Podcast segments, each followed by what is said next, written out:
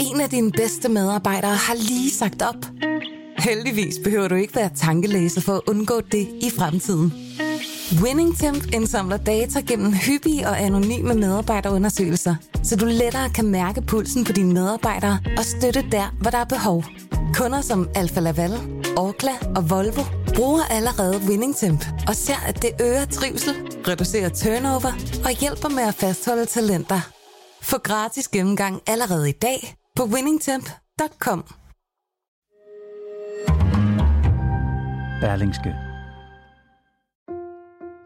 Claus Hjort, han sad i et studie i TV2 News, da han fik det her at vide. Jeg har netop også fået at vide, at straffesagen mod Lars Finsen, øh, den gennemføres heller ikke. Nej, det er en stor lettelse.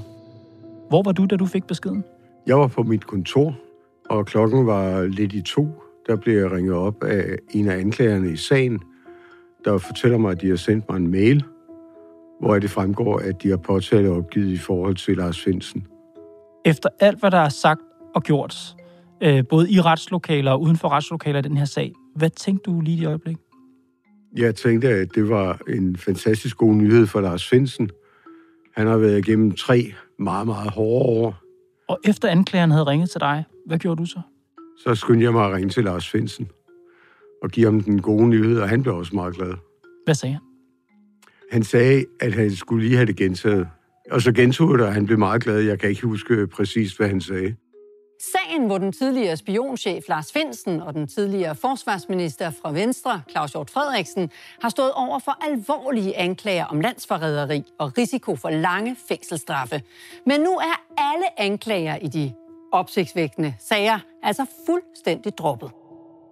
Sidste onsdag kulminerede det, der er blevet kaldt den største efterretningsskandale i årtier. Anklagemyndigheden droppede straffesagerne mod tidligere forsvarsminister Claus Hjort Frederiksen og den suspenderede FE-chef Lars Finsen. Det er Danmarks historie. Det er nok en af de største skandaler, vi har, har oplevet i mange, mange år. Det kom dog ikke som den store overraskelse for Finsens advokat, Lars Kelsen. Jeg tror egentlig ikke, at der var nogen af os, der som sådan var overrasket. I dag fortæller han om sit arbejde med den spektakulære sag, og om hvordan 20 røde ringbind i et pengeskab på hans kontor spillede en afgørende rolle. Velkommen i Pilestræde.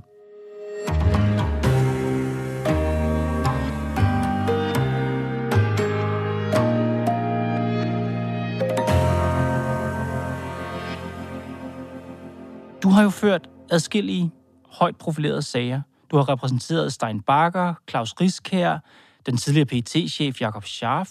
Du har været udspørger i Instrukskommissionen, altså forløberen for rigsretssagen mod Inger Støjberg. Du har været bisidder for Mette Frederiksen i Grænsningskommissionen om Mink. Altså mange af de her aller, aller tungeste sager de seneste 10-15 år har et fællestræk. Dit navn. Hvorfor er det dig, man ringer til? Det er jo svært at komme med et fornuftigt bud på andet, end det bliver sådan en stor gang selvrus. Men jeg du skal kan være velkommen. Men jeg kan sige det på den måde, at jeg jo nok har haft flere store sager, som simpelthen har det kendetegn, at det ligger i krydsfeltet mellem jura og politik. Og for så vidt angår Stein Bakker, så har jeg jo været forsvar for ham i en tidligere sag, og så var der kolleger, der henviste ham til mig, så han kom på den måde. Det, der måske kan siges, det er jo, at det, der er interessant for mig, det er at være i sager, hvor man har indtryk af, at man gør en forskel, en relevant forskel. Hvor placerer FE-sagen, sagen mod Lars Finsen, hvor placerer den sig i forhold til de her andre meget højt profilerede sager, du har ført? På en skala af opmærksomhed, både nationalt og internationalt, så vil jeg sige, at den her, den springer uret. Hvorfor gør den det, tror du? Det er jo fuldstændig usædvanligt. Det er jo aldrig sket før, at man har tiltalt, muligvis i Kyrgyzstan eller Uzbekistan, at man har tiltalt en efterretningschef, eller en sige anholdt en efterretningschef i en lufthavn. Da han lander i Københavns Lufthavn onsdag morgen, så bliver han anholdt af civilklædte personer fra AKS, altså politiets aktionsstyrke, når du siger, at det er de her sager, der ligger i krydsfeltet mellem det juridiske og det politiske, som du interesserer ja. dig for, hvad er det egentlig, hvis man skal spørge helt, måske næsten banalt, hvad er den politiske dimension i sagen mod Lars Finsen? Jeg ved ikke, om der er en politisk dimension i sagen mod Lars Finsen. Men du siger, at den ligger i krydsfeltet mellem de Ja, juridiske det er jo, og det er jo politiske. fordi, at, at de sager, jeg beskæftiger mig med, der er Slottsholm altid involveret på en eller anden måde. Hvordan er Slottsholmen involveret i sagen mod Lars Finsen? Jeg antager, at man har godkendt de retsskridt, der er taget mod Lars, har man godkendt i Sikkerhedsudvalget. Det vil sige, at de er passeret både forbi Justitsministeriet og forbi Statsministeriet, og muligvis også forbi Forsvarsministeriet. Jeg ved det ikke, vel? Men med mit sådan generelle kendskab til, hvordan statsmagten fungerer, så, så kan jeg ikke forestille mig, at det er noget, man har siddet ude i Søborg og fundet på i hvert fald. Hvor har man fundet på det henne? Jeg vil antage, at det er, det er en tanke, der er opstået i FE's regi. Altså, vi skal jo tænke tilbage til august-september 2020, hvor kabelsamarbejdet var, formentlig var det mest omtalte emne i øh, danske aviser og nyhedsmedier. De hemmelige oplysninger drejer sig om informationer om et hemmeligt kabelsamarbejde mellem Danmark og den amerikanske efterretningstjeneste NSA. Og det er jo åbenbart, at i den situation, hvor man kan se, læse, slå op i Berlingske Tiden og læse artiklen Hemmeligheden i pengeskabet fra den 13. september 2020, at så er der nogen, der begynder at tænke, om vi ikke skulle se at få fat i de folk, der render rundt og lægger til aviserne. Og de nogen, antager du, sidder i FE. Ja, det er jo helt åbenbart, at hvad det, det er jo FE's hemmeligheder, så de nogen må sidde i FE, og det kan også være, at de sidder højere op. Det her er jo en sag, vi ser på med meget, meget stor alvor øh, fra regeringens side. Det siger sig selv. Det er juridisk, hvad skal man sige, særligt om den her sag. Er det mest, hvem det er, man tiltaler, og myndighedernes håndtering af den tiltalte, eller er der også noget, hvad skal man sige, principielt juridisk interessant eller særligt ved den her sag? det er jo helt åbenbart, at man, man hiver en paragraf, nemlig 109, frem, som var sådan delvis i anvendelse i under Jørg Meyer-sagen, men ellers aldrig er blevet anvendt i over 100 år, og den paragraf ligget stille. Og den hiver man så frem for at tiltale Lars Finsen og bagefter Claus Hjort for, det, for overtrædelse af de bestemmelser. Og dem, Og- der ikke lige kan paragrafen så godt som dig, paragraf Ja, det 109, er- hvad den handler om? Det er det, man kalder diplomatisk forræderi. Og det betyder, at man videregiver oplysninger om statsmagtens hemmelige forhandlinger med andre stater, regeringens interne overvejelser i relation til de her hemmelige forhandlinger, øh, som har betydning for rigets sikkerhed eller vores udenrigspolitiske status i det, i det hele taget. Men stridens æble, oplysningerne om kabelsamarbejdet, er det ikke netop sådan en form for statshemmeligheder? Altså det, at vi tapper kabler i samarbejde med NSA, det falder uden for paragraf 109. 109 har et specifikt forhold, fordi det var oplysningerne om forhandlingerne.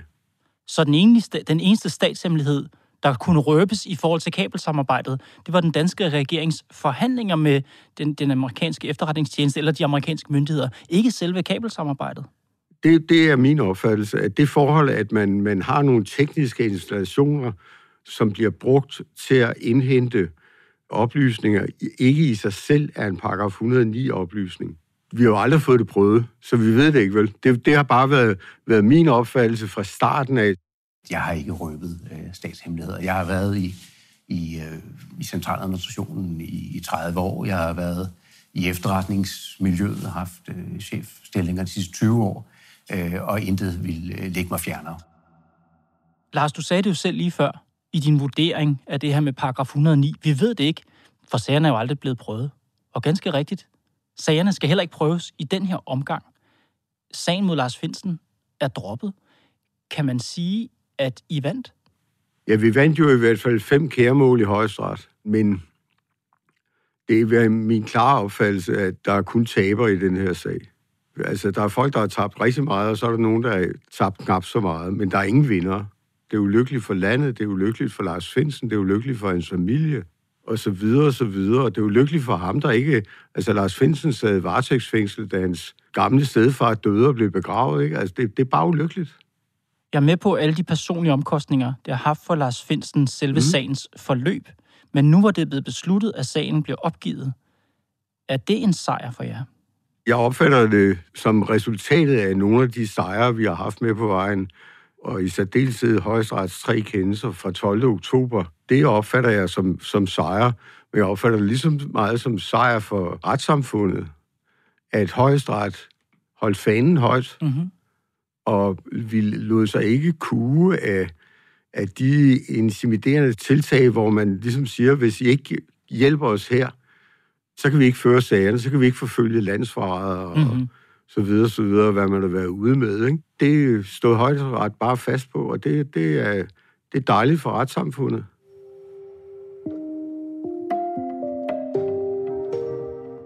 Claus Hjort Frederiksen, han har sagt til Zetland, at du har, og jeg citerer ham, et helt ringbind med processager, der skal afklares, inden retssagen mod Lars Finsen kan gå i gang.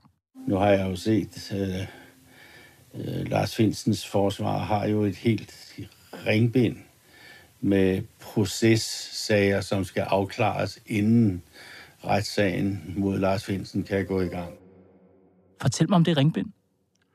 Ja, øh, det er faktisk ikke rigtigt. Jeg havde 20. 20 ringbind? Ja, 20 ringbind, øh, fordi vi er jo nødt til... Altså, problemet er jo, det er jo, det er jo, det er jo fantastisk svært for et menneske, der, der er ekstremt analog, som jeg er, at overs, blive ved med at overskue alle de konflikter, man ligesom har fået pisket op. Så jeg laver sådan en rødt ringbind for hver processuel konflikt, vi har, og så står den så ind i pengeskabet. Og så sætter jeg papirerne ind i det, eller min sekretær sætter papirerne ind i det røde ringbind, så er jeg styr på det så ved jeg, at i dag skal vi tale om ringbind nummer 14, og så hiver jeg den ud af, mig, ud af pengeskabet og sidder og, og arbejder med det problem, der er der. Hvorfor har du mit pengeskab? Ja, det var fordi, at øh, vi blev pålagt af, af by- og landsret, at vi skulle opbevare akterne efter sikkerhedscirkulæret. Sikkerhedscirkulæret? Hvad er det? Sikkerhedscirkulæret er en forskrift fra statsministeriet, der, der fastsætter, hvorledes offentlige myndigheder skal behandle klassificeret dokumentation. Klassificeret dokumentation, det er det, der er hemmeligstemplet, kan man sådan kort fortalt sige. Og da anklagemyndigheden stort set har, havde hemmeligstemplet alt, hvad der indgik i sagen, ja, så var det bare nemmest at have det hele i et stort pengeskab. Jeg skal lige forstå det her rigtigt. Vil det sige, at der på dit kontor, der har du et stort pengeskab stående? Ja. Beskriv lige dit kontor for mig. Ja, altså nu er jeg jo sådan øh, blevet ældre, og derfor har jeg selvfølgelig fået et mindre kontor end, end de yngre partnere. Men øh, jeg har sådan et lidt aflangt kontor, hvor der i den ene ende er et vindue, og hvor der i den anden ende er et dør, og så har jeg en sofa, der står, så jeg kan tage mig en lur. Og så ved siden af sofaen, der står der sådan et to meter højt og en meter bredt pengeskab. Og inden det pengeskab, der havde vi alle øh, sagens akter. Vi er jo i et juridisk ukendt land. Altså forstået på den måde, at når du arbejder med sådan en sag her, hvor anklagemyndigheden siger, at han må ikke få anklageskriftet, han må ikke få retsbøgerne, forsvarende skal undergives sikkerhedscirkulæret, med alle de problemstillinger, det medfører, så er vi jo et sted, hvor ingen har været før. Og vores problem, det var, at, at vi kunne ikke drøfte med nogen, fordi vi var undergivet sikkerhedscirkulæret, så det vil sige, vi kunne ikke drøfte sagens indhold og sagens papirerne i sagen, eller akterne i sagen, som mm-hmm. det mhm. hedder, med nogle andre end, end os selv. Og alle de her krav fra anklagemyndigheden, som du siger, det er jo det, der gør, at sagen var på ukendt terræn, fordi de havde alle de her specielle krav til, hvordan ja. sagen skulle føre. Vidste du allerede fra starten af, at det, at anklagemyndigheden lagde det for dagen på den måde, at det betød, at sagen ville komme til at gå op i de her processpørgsmål? Ja, det stod meget hurtigt klart, at det ville gøre. Og, og allerede kan man sige, fra, fra det første retsmøde, vi havde i Københavns Byret under varetægtsfængslingen, havde vi processuelle spørgsmål mm-hmm. op at vende, og, og problemstillinger, som vi så blev enige om at, at køre ind i en proces, sådan at det ikke var noget, vi skulle stå og diskutere midt i spørgsmål om varetægtsfængsling, men, men allerede der kom det op.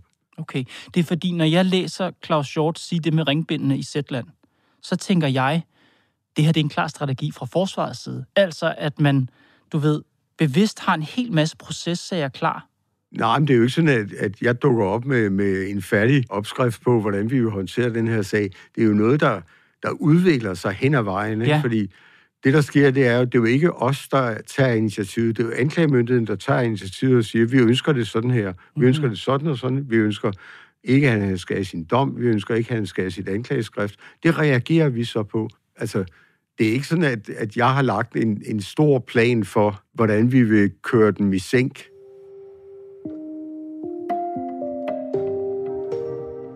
Jeg vil gerne lige gennemgå de tre processager, mm. som ligesom kom for dagen. Den første processag. I ønskede at flytte sagen fra Københavns Byret til retten i Lyngby. Hvorfor? Den korte forklaring, det er, at det var fordi, det var det rigtige ting. Altså, det var derfor, den hævdede forbrydelse var blevet begået, og tilknytningen til København var ringe. Men den virkelige grund, det var i virkeligheden, at vi ikke havde nogen stor tillid til de dommer, der behandlede sagen nede i København. Mm-hmm. Hvad var der galt med dem?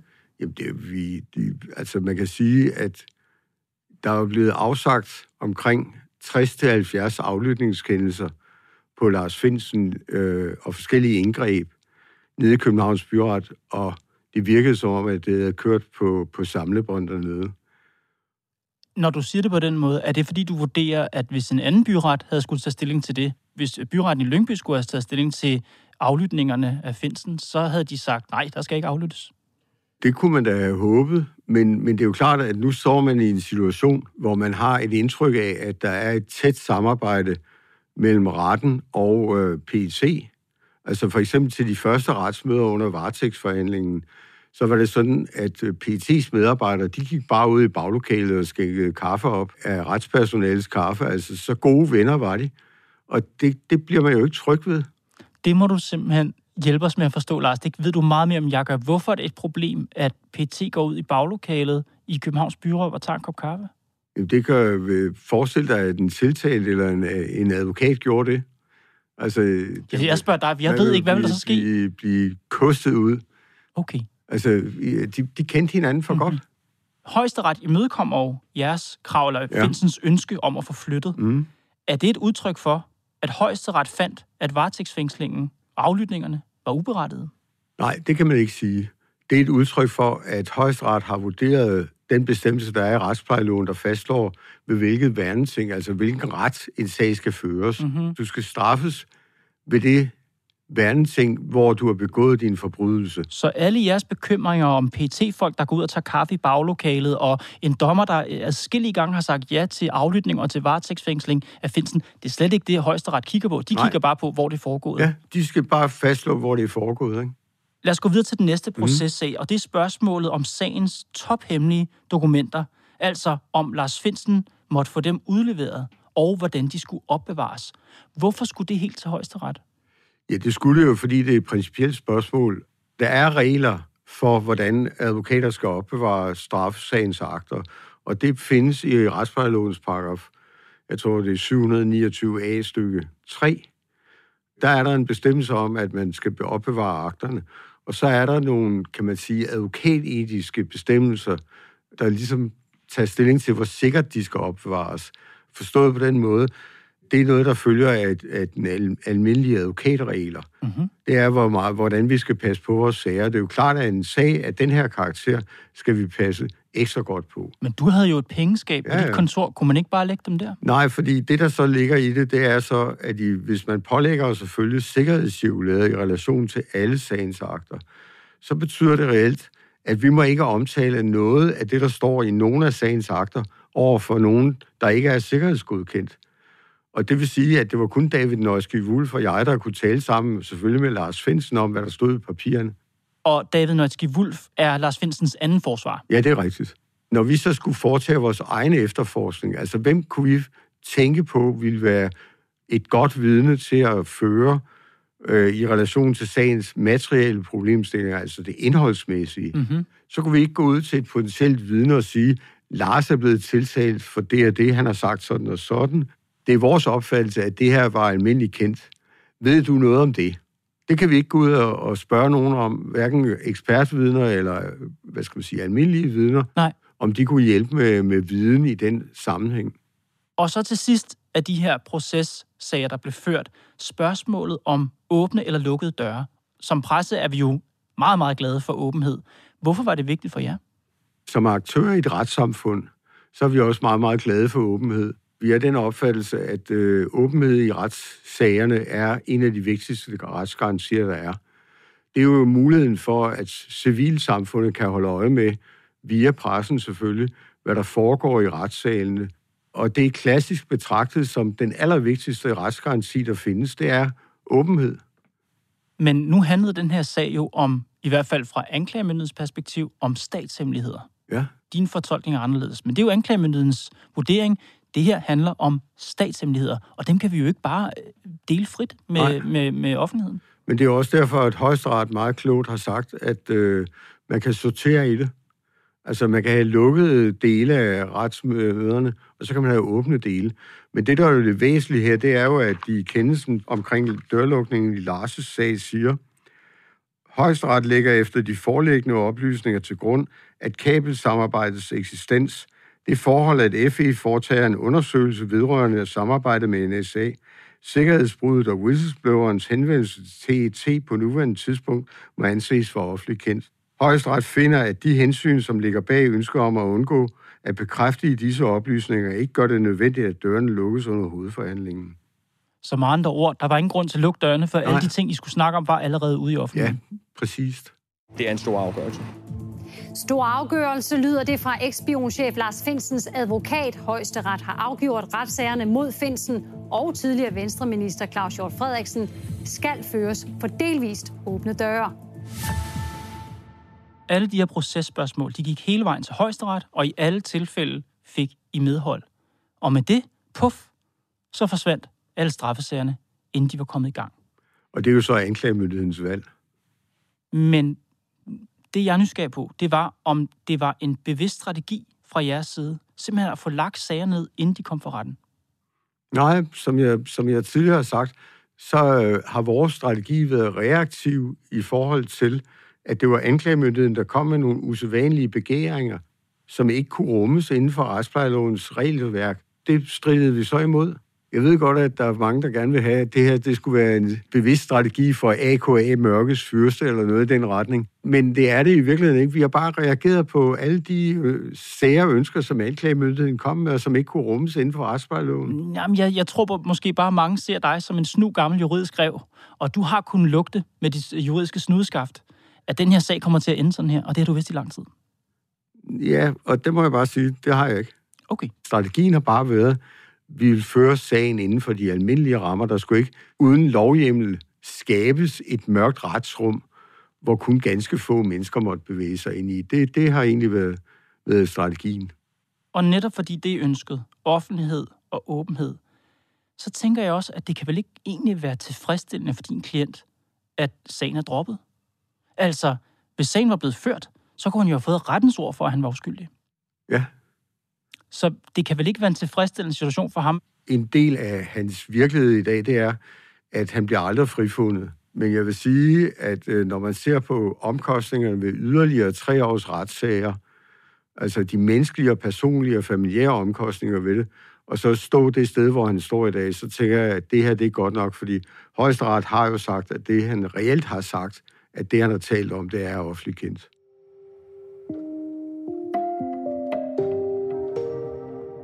Minutter efter, at anklagemyndigheden meddeler, at straffesagerne mod Lars Finsen og Claus Hjort Frederiksen blev skrinlagt, så reagerede PT-chefen, Finn Borg Andersen. Han sagde, vi som efterretnings- og sikkerhedstjeneste står i en alvorlig situation, hvis vi i realiteten ikke kan strafforfølge sager, når der indgår klassificerede oplysninger i sagens beviser. Kort efter fulgte rigsadvokaten Jan Ringdorf op og siger, hvis loven ikke kan håndhæves, betyder det sidste ende, at vi i Danmark reelt kan stå uden et strafferetligt værn mod brud på tavshedspligten om landets mest fortrolige oplysninger. Og få timer senere, så stemmer selveste justitsministeren Peter Hummelgaard i og siger, jeg har bedt de berørte myndigheder overveje relevante lovændringer på området. Hvad tænker du om myndighedernes reaktion på det her? To ting. Det ene er, at de problemer, de løbede ind i, dem kunne de jo meget, meget nemt have forudset, da de startede sagen. Altså, de kunne godt have forudset, at der ikke var hjemmel til og ikke at udlevere anklageskriftet, at der ikke var hjemmel til at nægte Finsen at få udleveret sin dom, at der ikke var hjemmel til at pålægge øh, forsvarerne og være undergivet sikkerhedscirkulæret andet i et meget, meget snævert felt, at der ikke var hjemmel til at nægte Finsen at få udleveret retsbøgerne. Det kunne de alle sammen have forudset. Fordi det var bare at sætte sig ned og læse retsplejeloven, så står det ret klart, at, at der er formentlig et hjemmelsproblem i forhold til de her problemstillinger. Så de har simpelthen ikke gjort deres arbejde grundigt? Det, det ved jeg ikke, men hvis de er overrasket over, at det endte der, så vil jeg da sige, at, at så er der noget, de skulle have kigget lidt nærmere på, inden de satte sagen i gang. Uanset om de skulle have set nærmere på det, inden de satte sagen i gang, eller om de står nu og siger, at der er et problem, så siger de altså nu, ja, der nu er et problem. Ja. Der er et problem med det, du kalder hjemmel, altså med, at vores lovgivning kan åbenbart ikke rumme den her type retssager. Du er en af landets fremmeste jurister, Lars. Deler du myndighedernes bekymring over, at staten ikke kan føre straffesager mod personer, der står tiltalt for røbstatshemmeligheder? Nej, det gør jeg ikke, fordi vi har jo masser af eksempler på, at øh, der er ført sager mod bag lukkede døre. Alle, alle spionsagerne bliver ført bag lukkede døre. Men det, man igen skal huske på, det er måske, at højesteret har set lidt på sagens materie, når de siger der på side 14, det jeg læste op tidligere, at de siger jo reelt set, at sagens materie er offentligt kendt. Og det tror jeg, man skal hæfte sig ved, at det er klart, at du kan ikke få lov til at tiltale folk for at have røbet noget, som offentligheden allerede ved, og så kræve, at det hele skal foregå i et lukket retsrum, som er en meget, meget betænkelig ting at have i et ordentligt retssamfund.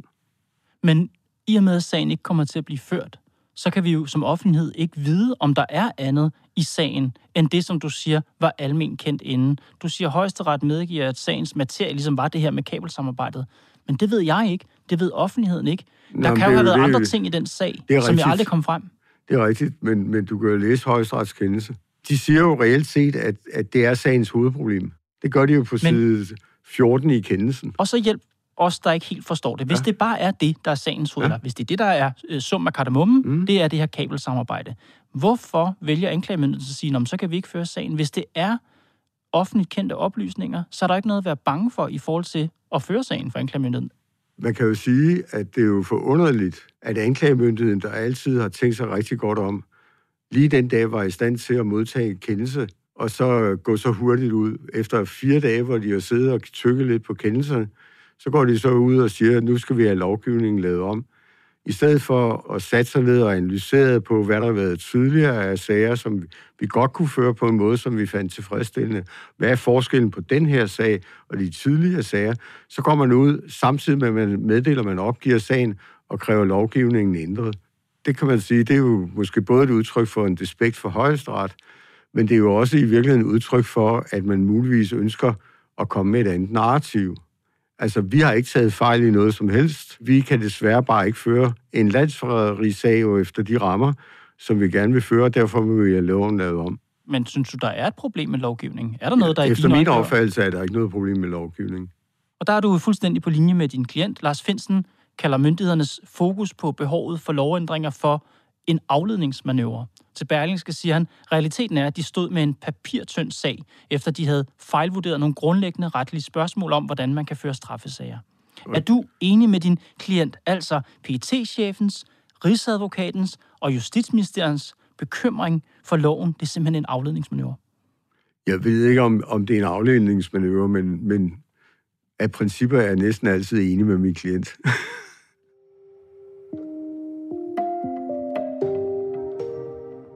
Hvad nu? Er sagen slut for dig, Lars Finsen? Ja, jeg vil i hvert fald sige, at vi nærmer os en afslutning. Der er jo stadigvæk nogle udstående spørgsmål, som hvad med hans øh, ansættelsesrelation. Han er jo stadigvæk udnævnt tjenestemand og udnævnt chef FE. Og der er jo et problem, der skal tages op der. Hvad vil ansættelsesmyndigheden? Hvordan vil de forholde sig til situationen nu? Og så er der, øh, vi, vi har nogle overvejelser om, hvorvidt der skal rejses erstatningskrav. Det er nogle overvejelser, vi ikke har gjort færdige, og derfor kan jeg heller ikke komme nærmere ind på den. Men, men det er i og for sig det, der udstår fra vores side. Lars Finsen, han mener jo selv, at regeringstoppen og landets øverste embedskvinde, Barbara Bertelsen, er indblandet i det her. Claus Hjort og hans advokat René Offersen har sagt det samme. Sigtelserne kom efter pres oppefra. Er du enig? Jamen, vi er igen ude på, øh, hvad skal man sige, et, et område, hvor, hvor man ikke har nogen faktuel viden. Jeg har ikke nogen viden om, hvad der er foregået i Sikkerhedsudvalget eller i det regi. Jeg har ikke nogen forestillingsevne, der kan gøre, at jeg kan tro, at det indgreb, der skete mod Lars, det ikke har været godkendt i et sikkerhedsudvalg. Det vil sige, at arrestationen, anholdelsen og sigtelsen, mm-hmm. det er jo ikke noget, som man sidder og beslutter ude i PET i Søborg. Spørgsmålet var så, om du kan afvise, at der har været en politisk indblanding i sagen fra den tidligere regering, enten på minister- eller embedsmandsniveau. Altså, der er jo intet i den her sag her, som jeg har haft indsigt i, og alt, hvad jeg har hørt og vidst om det, der overhovedet indikerer noget i den retning. Men dit spørgsmål, det bærer jo selvfølgelig også præg af, at der er jo rigtig mange, også lidt fantastiske konspirationsteorier, der lever ude i offentligheden. Seneste nyt er, at PT-chef Finn Borg Andersen har været ude og tage al ansvaret for, citat, at i gang sætte en efterforskning af omfattende lækager fra efterretningstjenesterne, som førte til anholdelsen af Lars Finsen og Claus Hjort Frederiksen. Hvad siger du til den, at han tager alt ansvaret på sig? Jamen, øh, det er vel også hans ansvar. I hvert fald formelt. Kun formelt? Det ved jeg ikke. Jeg ved jo ikke, hvad der er foregået. Lars Kelsen, alligevel vil jeg gerne sige mange tak, fordi du kom, Pilestræde. Tak fordi jeg måtte komme forbi. Du har lyttet til Pilestræde, Berlingskes nyhedspodcast. Holdet bag er Thomas Arndt, Mads Klint, Bo Lange, Karoline Nord og mig, Kåre Svejstrup. Vi er tilbage i morgen. En af dine bedste medarbejdere har lige sagt op. Heldigvis behøver du ikke være tankelæser for at undgå det i fremtiden. WinningTemp indsamler data gennem hyppige og anonyme medarbejderundersøgelser, så du lettere kan mærke pulsen på dine medarbejdere og støtte der, hvor der er behov. Kunder som Alfa Laval, Orkla og Volvo bruger allerede WinningTemp og ser, at det øger trivsel, reducerer turnover og hjælper med at fastholde talenter. Få gratis gennemgang allerede i dag på winningtemp.com.